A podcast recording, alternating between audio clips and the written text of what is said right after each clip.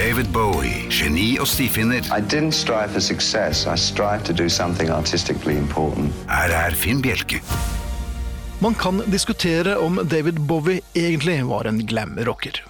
Når man ser på de andre representantene som Sweet, Slade og T-Rex, alle fremragende korps, og så Bowie, så snakker vi om to forskjellige ligaer. Bowie ble en gang markedsført som There's New Wave, There's Old Wave and There's David Bowie. Ja, en gang iblant får faktisk reklamebransjen det til. I 1974 lå glamrocken på soteseng, men Bowie hadde for lengst dratt. LP-en Diamond Dogs var en dystopisk musikallignende samling av sanger som dekadent tripper fra Dantes Inferno til Orwells 1984, som Bowie faktisk jobbet for å lage en TV-musikal av. Og det er få lyspunkter tekstmessig her. Albumet er dystert, misantropisk og til tider håpløst i ordets rette forstand.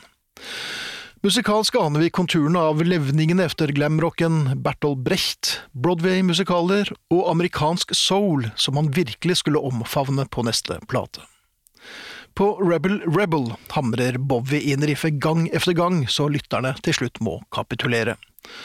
Og hvis det synes den kan minne litt om The Rolling Stones, så sa David Bowie i et intervju at han skrev den for å irritere Mick Jagger. Mike Garson er fremdeles med på piano, men har ingen fremtredende rolle i den endelige engelske miksen. Studioveteranene Ainsley Dunbar på trommer og bassist Herbie Flowers gjør en solid jobb på det som egentlig bare er et gloriøst riff. Det ble hevdet at eh, Rebel Rebel er eh, Bowies farvel til glam-rocken. Jeg er usikker. David Bowie virket aldri spesielt opptatt av sjangere. Han plukket inspirasjon her og der og satte sammen de delene han likte, for så å skape sin egen hybrid. Bowie spiller altså selv gitar, og for første gang på nesten fem år hadde han ikke Mick Ronson ved sin side.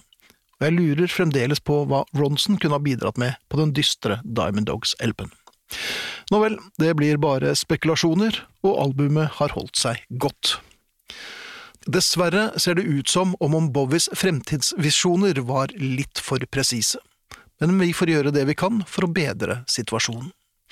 Rebel Rebel kom ut i en redigert nyinnspilling for det amerikanske singelmarkedet, og det er denne versjonen jeg har valgt. Den er ikke fullt så kjent her hjemme, men jeg regner selvfølgelig med at alle har Diamond Dogs-LP-en i samlingen. Ja, hvis man har samlinger lenger, da.